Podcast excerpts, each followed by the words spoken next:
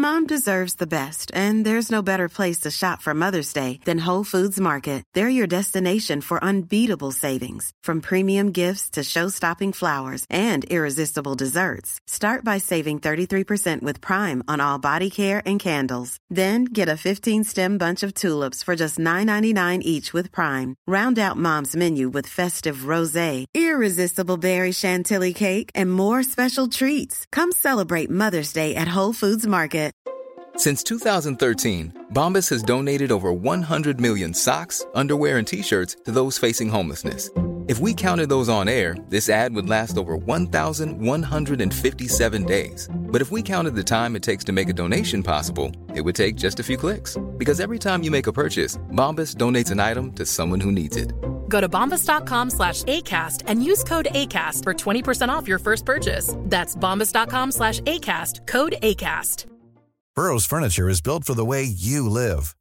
From ensuring easy assembly and disassembly to honoring highly requested new colors for their award-winning seating, they always have their customers in mind. Their modular seating is made out of durable materials to last and grow with you.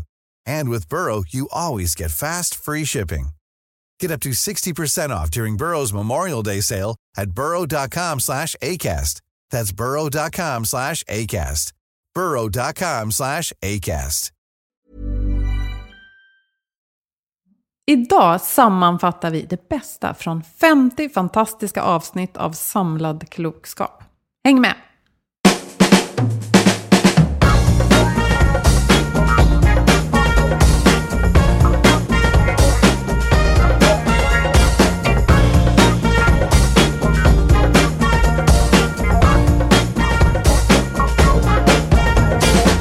Det här är Health for Wealth, en podd om hälsa på jobbet. Vi är Ann-Sofie Forsmark, hälsomanagementkonsult och Boel Stier, copywriter och kommunikatör. Vårt motto är att hälsa och lönsamhet hör ihop om man satsar långsiktigt och hållbart. Forskningen är på vår sida och alla vill ha hälsa. Men hur får man det att funka? Det tar vi reda på i den här podden. hej och välkomna. Alltså 50 avsnitt.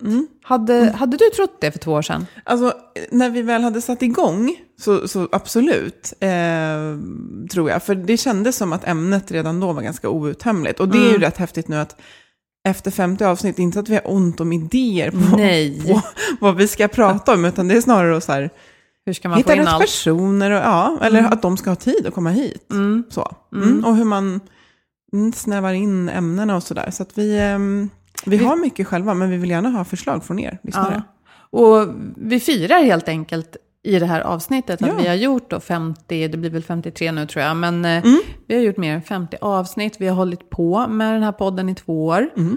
Och det går bra. Ni lyssnare hör av er och uppskattar och säger Mm. att ni vill ha mer.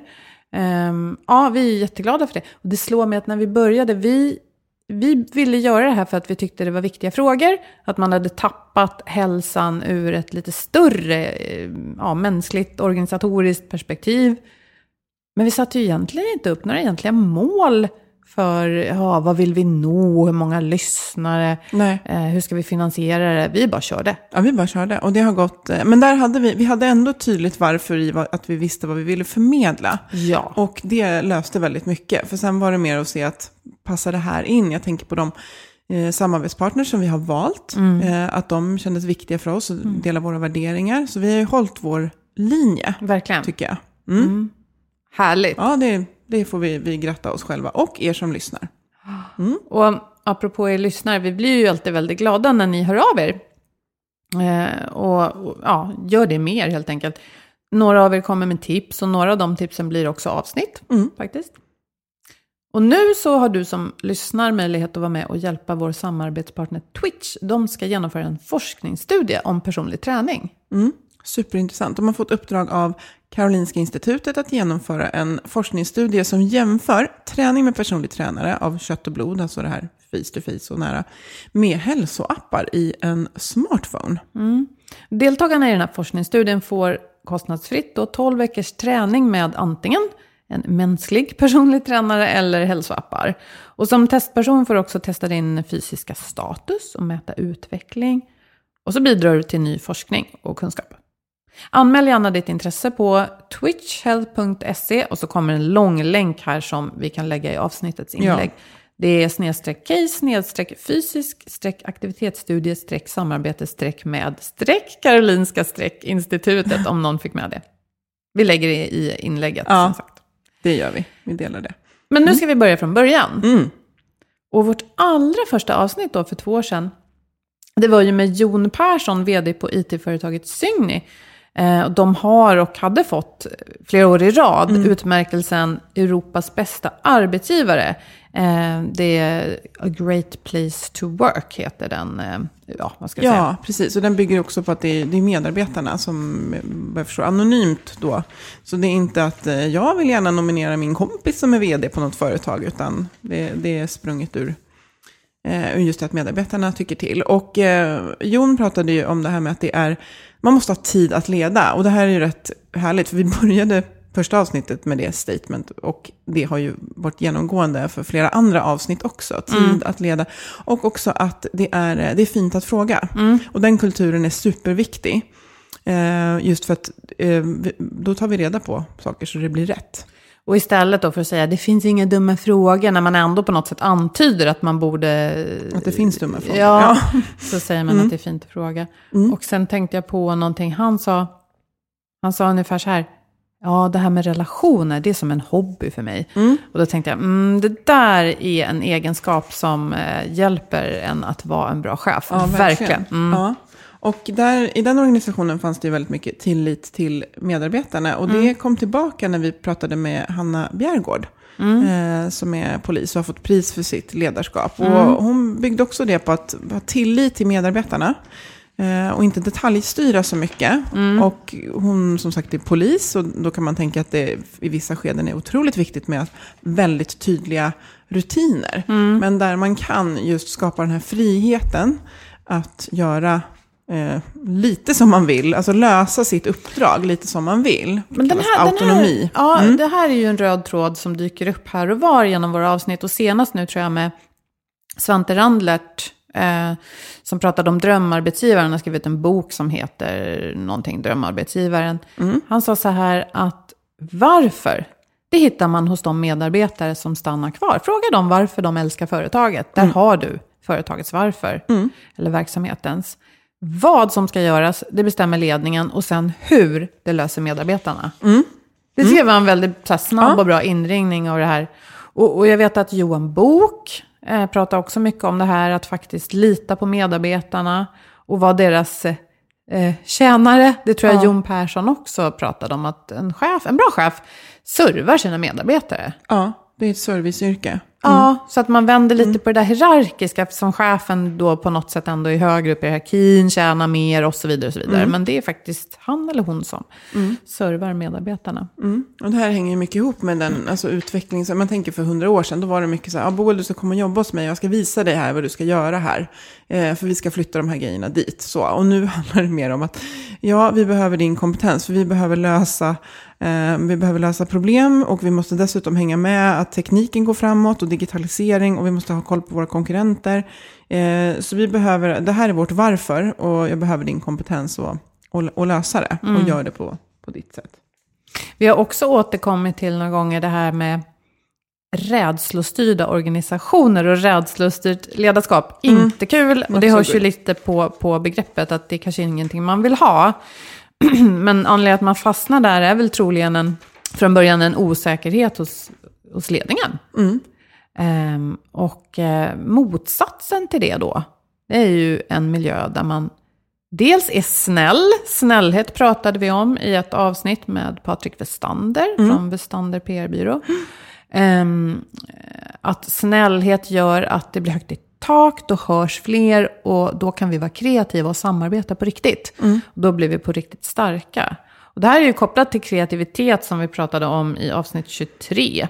Det var Erik Hemmingsson från GH. Mm, de tyckte vi skulle leka mer. Ja, det var ett väldigt härligt avsnitt. Det var väldigt härligt. Ja. Det var lite så här, oh, om man tittar på, han är så här, lektor och, är han inte på säga fel, han jobbar på GH, han är professor i idrottsvetenskap med inriktning mot folkhälsa.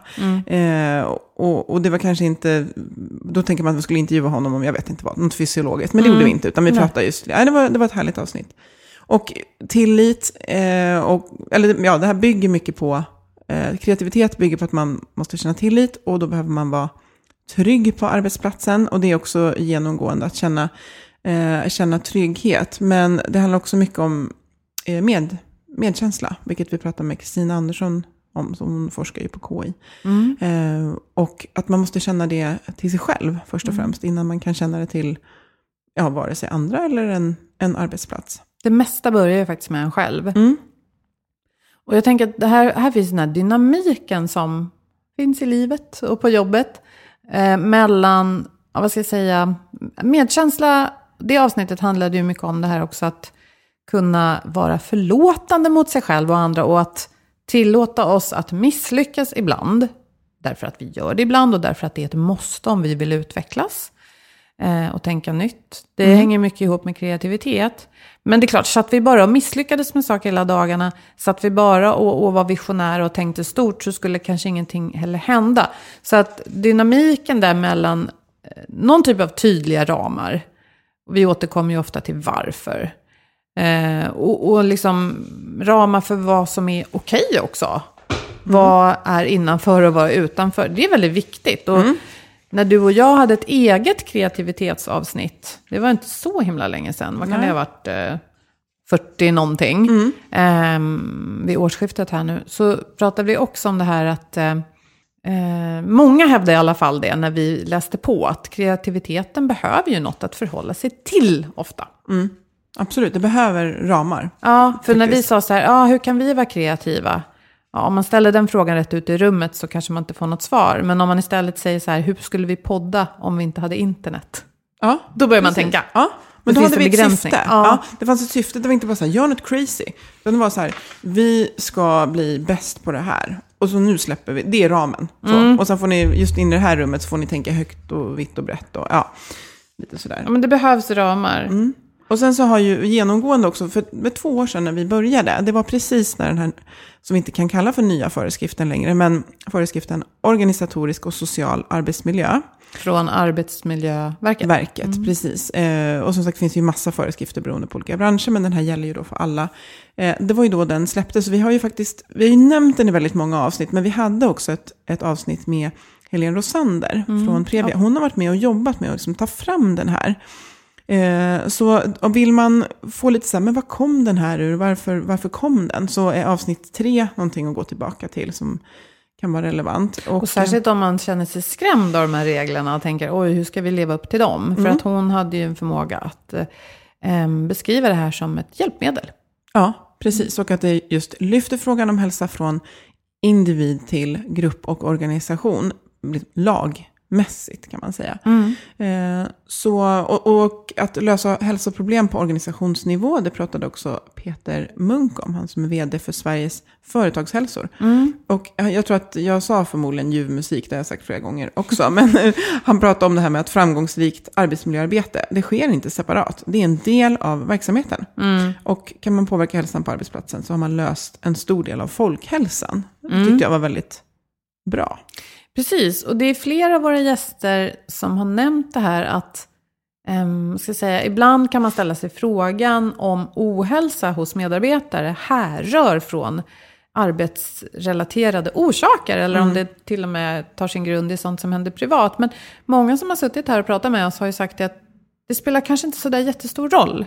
Utan eh, det är snarare viktigt att se att vi kan göra någonting åt det inom ramen för arbetets... Ja. Ja, men jag tänker att om vi då säger att vi är på jobbet i alla fall ungefär åtta timmar per dag och vi sover åtta timmar och sen är det fritid. Om vi inte gör det under de där åtta timmarna på jobbet, vem som man nu ser som ansvarig, så tappar vi ju väldigt mycket effekt. Alltså, det, det blir svårt att täcka upp resterande tid. Det kan inte vara pest i åtta timmar, det måste vara bra. Och någonstans också tillbaka till vår tes och varför vi gör det här är att det är ju idiotiskt att tappa den möjligheten till lö- ökad lönsamhet. Faktiskt också. Verkligen. Och apropå det, det här blir så här fantastiska bryggor. Så här, och prata om lönsamhet, då kan vi prata om att det också finns ett, och det här skulle jag vilja komma tillbaka till, det här verktyget som har ett ganska långt namn som heter, eh, ja men Jesus, vad heter det? För Arbetshälsoekonomiskt analysverktyg. Jag kan Mm. säga fel nu, men någonting sånt. Eh, som Karolinska institutet tillsammans med flera andra aktörer har, har skapat och som jag var på typ release workshop för. Och det, det är fantastiskt. Alla kan räkna på hälsa. Det är väldigt väl underbyggt. Det är inte jättesvårt att använda. Och det kan man, an- alltså alla organisationer kan använda det här för att, att räkna på vad det faktiskt kostar. För det, har man inte datan så kan man använda eh, alltså typiska data för... Schabloner Ja, precis. Mm. Schabloner. Det här är Tack. avsnitt 22, kan man nämna. Ja, eh, jag tycker att det här verktyget är fantastiskt. Eh, och om någon sitter och säger men vi, vi skulle behöva ha liksom ett värde på det för att mm, få igenom något förslag på arbetsplatsen så är det här väldigt bra. För då kan man säga att det är väldigt väl underbyggt. Man har verkligen försökt sänka trösklar. Ja, och jag vet att jag, det var någon version jag tittade i, det var lite tryckfel. Det var till exempel ett delat istället för gånger, vilket kan göra jättemycket. Men verktyget, alltså, som, när det funkar, är väldigt, väldigt bra. Och det här med att räkna på hälsa, vi hade Anders Jorén från Nyckeltalsinstitutet här i avsnitt 4. Mm. Och han droppade flera intressanta siffror och statistiska fakta. Och en som vi har burit med oss sen genom många andra avsnitt är just det här att är man fler än 30 medarbetare på en chef så är det, menar han, att be om långtidssjukfrånvaro. Mm. Ja, det, man kan ju bara, om man säger att man har 30 personer som man då bör ha en regelbunden interaktion med, då får man nog, ja, det, han säger att det inte funkar, eller det visar ju att det inte, studier visar att det inte funkar ändå, men alltså ska du ha kontakt regelbundet med 30 personer, det, det, det, det går åt mycket tid till det, då, det, det är inte logiskt. Nej, och det är det som Jon Persson sa i vårt första avsnitt. Eh, För att vara chef behöver du ha tid för just det i kalendern. Och, och att bygga relationer är viktigt. Så det är egentligen samma sak. Och vad Anders Jurén sa också var, han satte fingret på att de ökande långtidssjukskrivningarna bland kvinnor just är vår, största, vår tids största jämställdhetsfråga. Ja. Ja, och det här eh, kvinnor, stora grupper medarbetare på chef, då tänker i alla fall jag ganska snabbt offentlig sektor. Och vi hade mm, enhetschefen från en enhet på Karolinska Huddinge här. Eh, De hade testat arbetstidsförkortning ja, till sex Ja, timmar. Mm. precis. För att det har ju ja, varit jättesvårt för dem att behålla och locka till sig eh, personal helt Mm. enkelt. Och då berättade hon hur de testade eh, arbetstidsförkortning. Man Mm. kan kalla det för sex timmars arbetsdag, men med den typen av rullande scheman som man har i vården så Ja, det är ju inte riktigt samma sak som ett kontorsarbete. Nej, och man, kunde, man behövde också... Man måste ju få verksamheten att fungera, men det de såg direkt det var i alla fall att det var något efterlängtat eftersom uppsägningarna liksom avtog. Bara när man gick ut med att vi ska göra det här. Eh, och jag kan, så här, som en verklig alltså, så här, parentes, det här skulle jag vilja sätta mig och räkna på ett, ett, ett eh, riktigt case. Att med de sjukskrivningstal som är inom offentlig sektor, alltså tänk om alla skulle få jobba, jag bara, det här är bara, nu bara kastar jag upp det här, tänk om alla skulle få jobba sex timmar. Alltså tänk vad, just när man har, jag menar, jag har ett sånt jobb, så att om jag är på lite dåligt humör och trött, då kan jag sitta framför min dator för mig själv med fötterna upp, en kopp kaffe och lyssna på hårdrock typ. Så. Eh, det kan man inte när man jobbar mm, inom vård, omsorg, skola. Alltså du, är, du har människor på framför dig. hela tiden. Mm. Ja, och det kanske man inte liksom, hur underbara de än är, Mm. så kanske man håller längre om man får liksom färre timmar med det. Mm. Och att då är det klart att då behöver man ju anställa fler för att få det att rulla. Men det finns det också fler som kan täcka upp när någon, folk är sjuka och folk Och kanske fler som håller kanske längre. väljer att vara kvar i de yrkena istället för att söka sig... Ja. Ja. För att det, ja. Nej, men det är intressant, det är ju, när vi är inne och pratar offentlig sektor, det är ju så stora system också. Ja, eh, och något som var intressant som hon sa var det här att ja, men man kan inte göra vad som helst för då tycker andra att man liksom konkurrerar med andra sjukhus om personal. Ja, det blev konstigt i min skalle Ja. som skatte...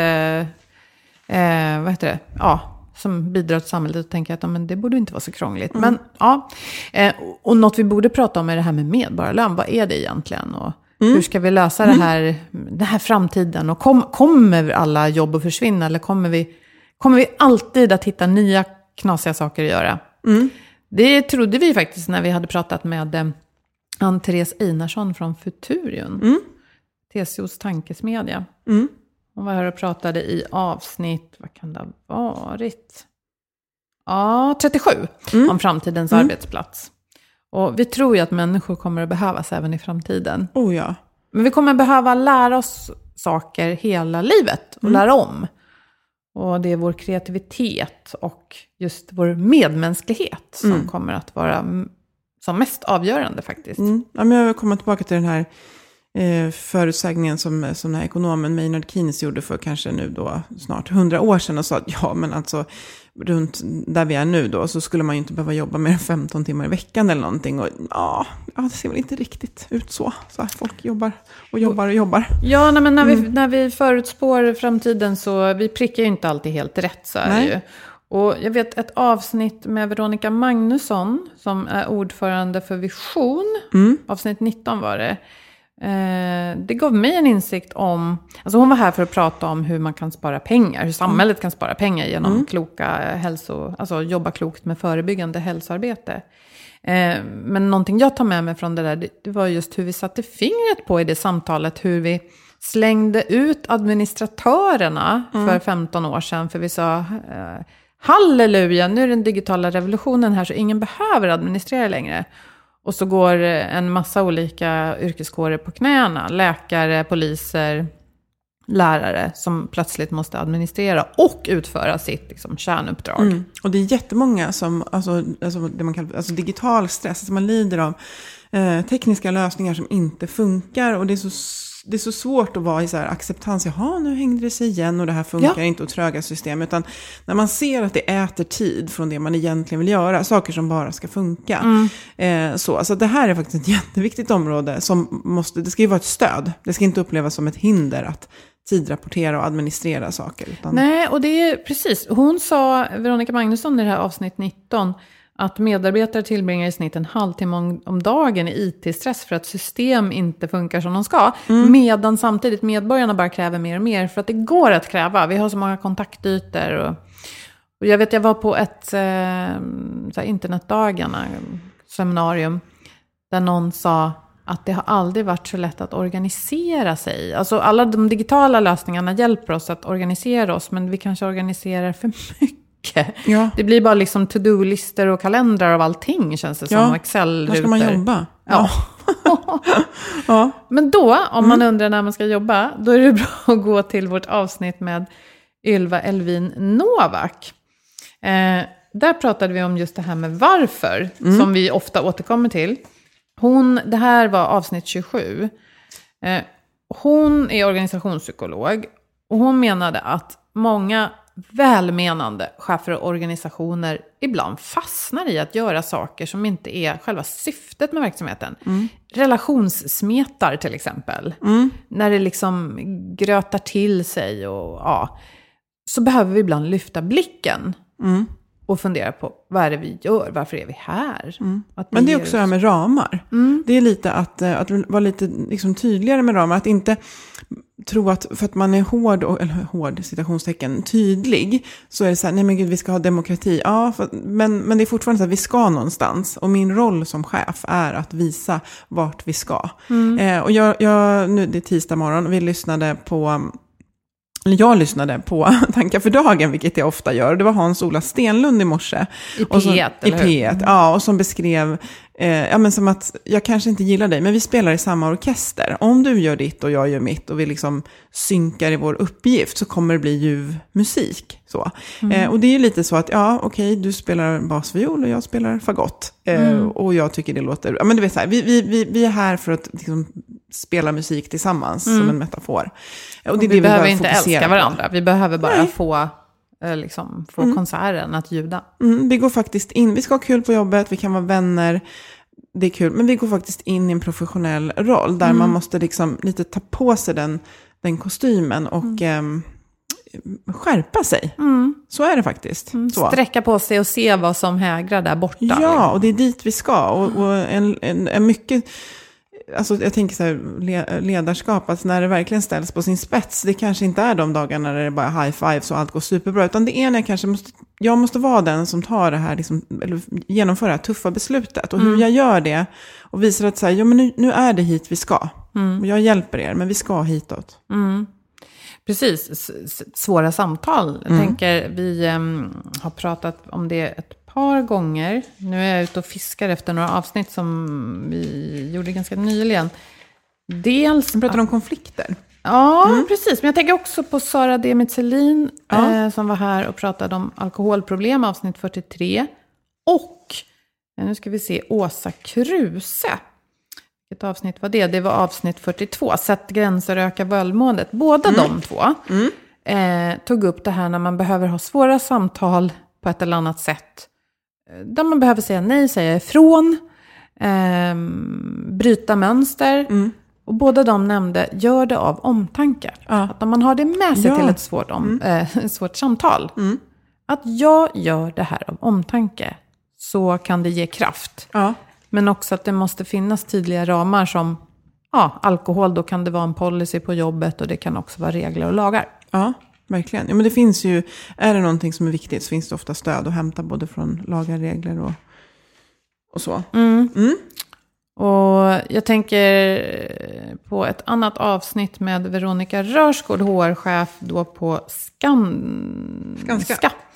Eh, det var väl nå- ganska tidigt avsnitt ändå. Ja, det var det. Och Avsnitt då åtta. jobbade man ju just med, när man, man identifierade problem som dök upp inom organisationen och så ehm, spelade man in filmer och liksom is, iscensatte etiska dilemman som man fick ta ställning till. Och det blir ju väldigt också konkret snarare än att säga, ja men tänk hypotetiskt om någon skulle säga X, Y, Z. Utan här är det så här, det här är en anonymiserad händelse som har hänt eller skulle kunna hända. Hur tacklar vi den här? Så. Och där var det intressant exakt hur man faktiskt genomför det i verkligheten. Kan jag inte påstå att jag eh, liksom har ett recept för, eller Nej. att vi har. Men det hon sa då, för någonstans så går det ju en skiljelinje mellan det här, ja men vi har högt i tak, här är ett dilemma, hur skulle du resonera, hur skulle jag resonera? Det går ju en skiljelinje mellan det här öppna och gränser för vad vi faktiskt får göra på Mm. Ja. Mm. jobbet och inte. Jag menar, trakasserier är inte okej. Nej. Däremot kan det vara bra att, att det finns utrymme att vädra olika åsikter och tankar om situationer. Mm. Och speciellt i ett stort företag då, där man möts över liksom, ja, mm, gränser. Mm. Kulturella såväl som nationella. Och sen när man kommer ner till det som vi också ofta återkommer till, just det här med eh, ta hand om den fysiska hälsan på jobbet, så har vi haft olika infallsvinklar på det. Eh, bland annat Niklas Hjert, säger jag rätt nu, Giertz, Giertz, HR-chef på Kruna. Och de tog ju bort friskvårdsbidraget och det mm, liksom fick ju typ rubriker via olika ställen, ungefär som att det skulle vara något jättedramatiskt. Men här så istället så satsade man då på en hälsoscreening, eh, men som inte bara då tog in liksom puls och syreupptagningsförmåga, utan även vägde in andra faktorer, mer liksom eh, kognitiva. Ja. Och eh, sen så erbjöd man då individuella eh, liksom, lösningar på det här. Och sen eh, skapade de också ett gym i källaren, så det var ju väldigt här, konkret. Eh, men, men ja, lite annorlunda grepp. Och det, jag tänker att framgångsreceptet där liknar ju det som vi fick höra om från en hemtjänstenhet i, i Halmstad, där Josefin Gren var chef. Och där de genomförde ett projekt som kallades för chefshäls chefhälsan. Och ökade hälsan då, mätt i sjuktal, eh, med 300 procent på ett år. Ja. Galna siffror. Men det var ju just det här att eh, chefen måste gå före och göra samma sak. Men sen måste också varje individ ha sin egen plan eftersom hälsa är Unikt. så. högst individuellt. Ja, och individuellt. Och, och frisktalen här, det är ju då människor som inte har någon sjukdom under ett år. Så det är det som man, som man mäter.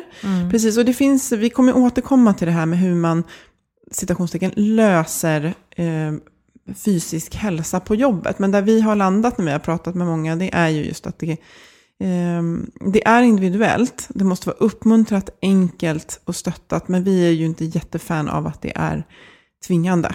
Nej, det är vi verkligen inte alls. Nej. Vi tror inte att det är rätt sorts drivkrafter att jobba med. Mm. För det här med drivkrafter och motivation, här hade vi Sofie Sagfossen från eh, Handelshögskolan här. Mm.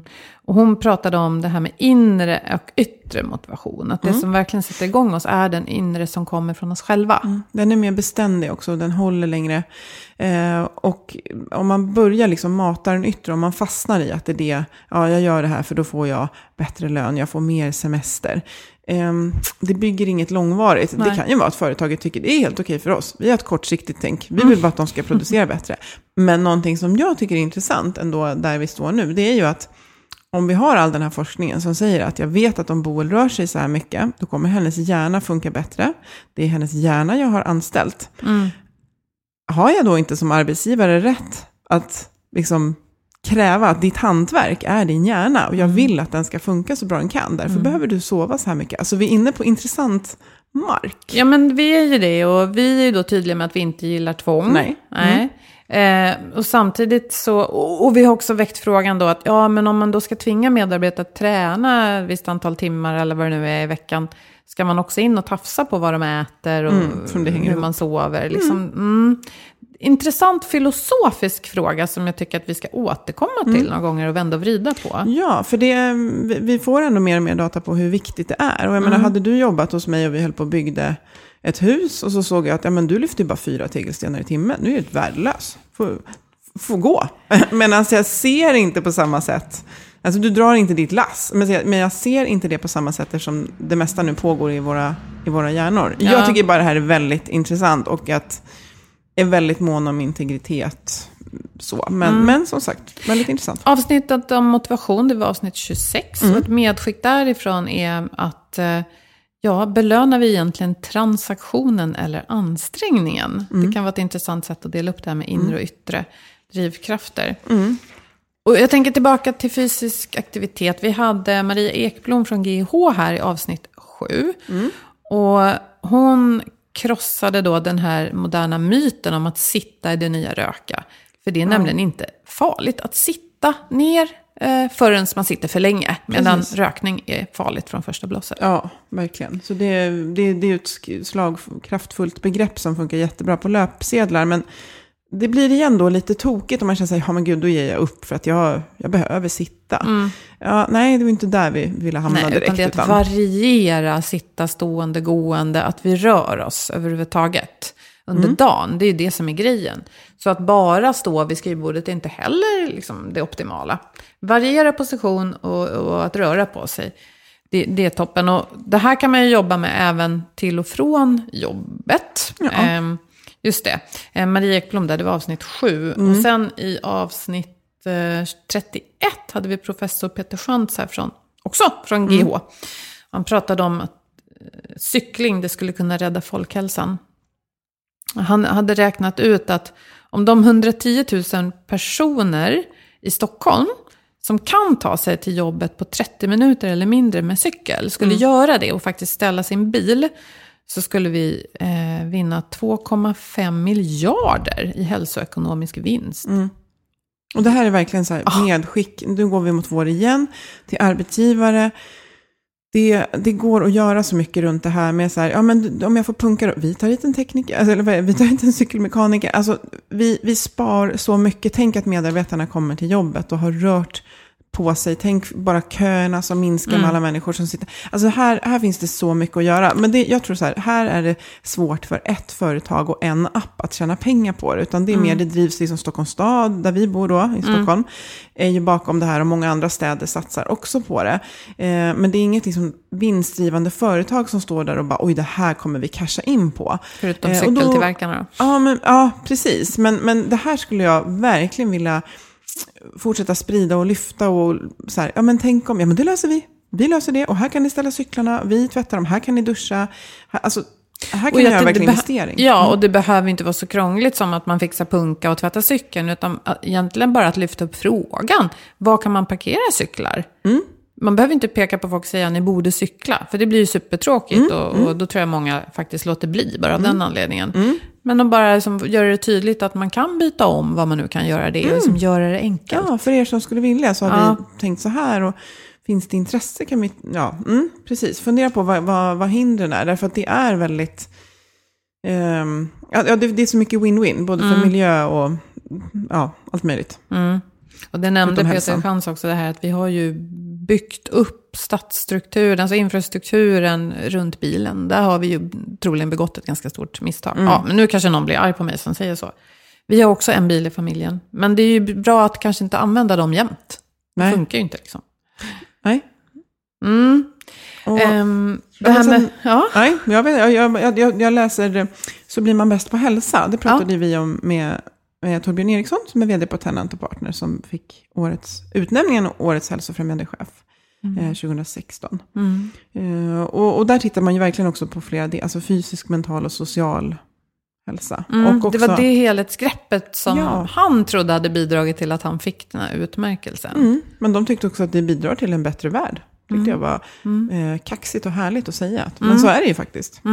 Mm. Och han pratade också om det här med inre drivkrafter, att försöka skapa en kultur där, ehm, vad var det han sa, att man kan både jobba med sina egna drivkrafter, alltså inte bara komma till jobbet för lönens skull, Nej. och känna att det på något sätt matchar kulturen på arbetsplatsen. Och att man, medarbetarna ska kunna leva efter egna värderingar och bidra till organisationens syfte. Och det, alltså det, det rimmar väldigt mycket med så motivationsteorier som self-determination theory till exempel. Så finns de här delarna med. Och det går att hitta som en röd tråd i alla framgångsrika eh, organisationer. Så i- som sagt, kanske inte jättekonstigt då att det fick plats och fick pris. Så. Jag tänker det här att räkna på hälsa också. Vi hade ju ett seminarium i höstas, det är avsnitt 36 som spelades in där va? Ehm, Nej, men- 18 var det om du tänker på det som vi gjorde på Stockholmsmässan. det var en annan. Det var en annan. Ja, eh, du, på, ja. ja, just det, när vi var hos Skandia. Både ja. 18 och 36 spelades in live och klipptes ihop senare då. Men Mm. ja, precis. 36 då var vi med Skandia och de fick berätta om hur deras sjukförsäkringsaffär gick back 2002. Eh, Och att det blev en ledningsfråga. Att man därifrån satsade sig ur den situationen. Mm. På det som vi då sitter och pratar om ibland i, i våra avsnitt. Eh, deras hälsokedja och allt det här de gör. Som då har blivit ett win-win-case både för dem och kunderna. Eh, ja, så apropå att räkna på hälsa. Där kan ni hämta lite inspiration i avsnitt 36. Eh, workshopen som man kan hitta avsnitt 18, där hade Ja. vi en intressant eh, så här, åsiktskonflikt mellan två paneldeltagare. Där Jon Persson från Signy sa att mäta behöver man inte göra, utan folk vet vad de ska göra. Medan bland andra, tror jag, Veronica Rörsgård sa att jo, men det är klart man måste mäta. Den diskussionen är också intressant, tycker jag. Bara, f- ja. För man brukar säga att det som inte blir mätt, det blir inte gjort. Och så Mm. tycker man ändå att det har gått hyfsat bra för Signy. Och det är klart att de mäter. Så. Eh, men, men ett lite annat grepp på det. Så det Mm. kan man lyssna på om man vill höra mer om, om det resonemanget. För det var, det var lite intressant tyckte jag. Mm. Nej, men det är klart, finns det ett syfte som vi pratar om, då kanske man inte måste mäta och väga varje steg på vägen dit. Mm. Och sen så för lite mer än ett år sedan så, så satt vi här och då hade vi precis börjat samarbeta med Twitch Health och då var deras vd Fredrik Karlsson här och då gjorde vi en liten framtidsspaning som jag reflekterade, den höll ganska bra och den kommer fortsätta hålla. Det här med att gränslösa arbetsplatser, det är fortfarande ett, ett stort fokus och någonting man behöver jobba med. Så hjärnans behov kontra det här gränslösa. Och eh, det här med wearables, alltså att vi sätter på saker på kroppen och mäter. Eh, och då brukar ju pendeln slå hårt åt ett håll. Så att vi ska Mm. mäta allt till att man blir, jag vill inte ha någonting på mig, där jag hålls just nu Ja. för det mesta. Ja, och du också lite så, mm, jag vill inte Jag, jag, känna. jag börjar alltid där. Ja. Jag vill känna. ja, Mm. och sen ibland är det jättebra att, att mäta. Men, och, och det behöver inte vara så svart och vitt heller. Nej. Man kan igen fråga sig själv varför. Ja, och om man då ska mäta så kan man säga att idag har vi firat att vi har kunnat mäta 50 genomförda avsnitt eh, och två år med den här podden. Eh, vi är jätteglada för att kunna göra det här. Det är roligt hela tiden, måste jag säga. Ehm, vi känner att de här frågorna, ja men alltså det, vi märker på responsen att det här är något som fler vill prata om och reflektera kring. Och jag tänker så här, om man bara ska säga några saker som återkommer hela tiden, så är det ju det här med kommunikation och relationer och hur vi beter oss mot varandra. Där är nyckeln till hälsa. Ja, och det här med att det måste finnas ett varför. Så man inte behöver hala upp som någon, någonting tungt eller någonting så åh herregud, ska vi prata om vårt syfte nu igen, eller vår vision. Men, men det måste finnas i botten. Och när det tragglar och inte känns rätt och det finns konflikter, så är det ofta inte fel att ta in och fundera på, men varför gör vi det här egentligen? Mm. Så, så att varför behöver finnas med och sen är det alltid det här fokus på relationer. Och apropå relationer, tack för att jag fick tillbringa tid i studion med er här idag, Ann-Sofie och Agnete. Ja, tack. Ni som lyssnar, ni vet var vi finns. På LinkedIn och Facebook och hemsidan healthforwealth.se. Tack till Agda Media för produktionen. Tack till våra samarbetspartners Twitch Health och Skandia. Må så gott, ta hand om er. Hej då! Hej då!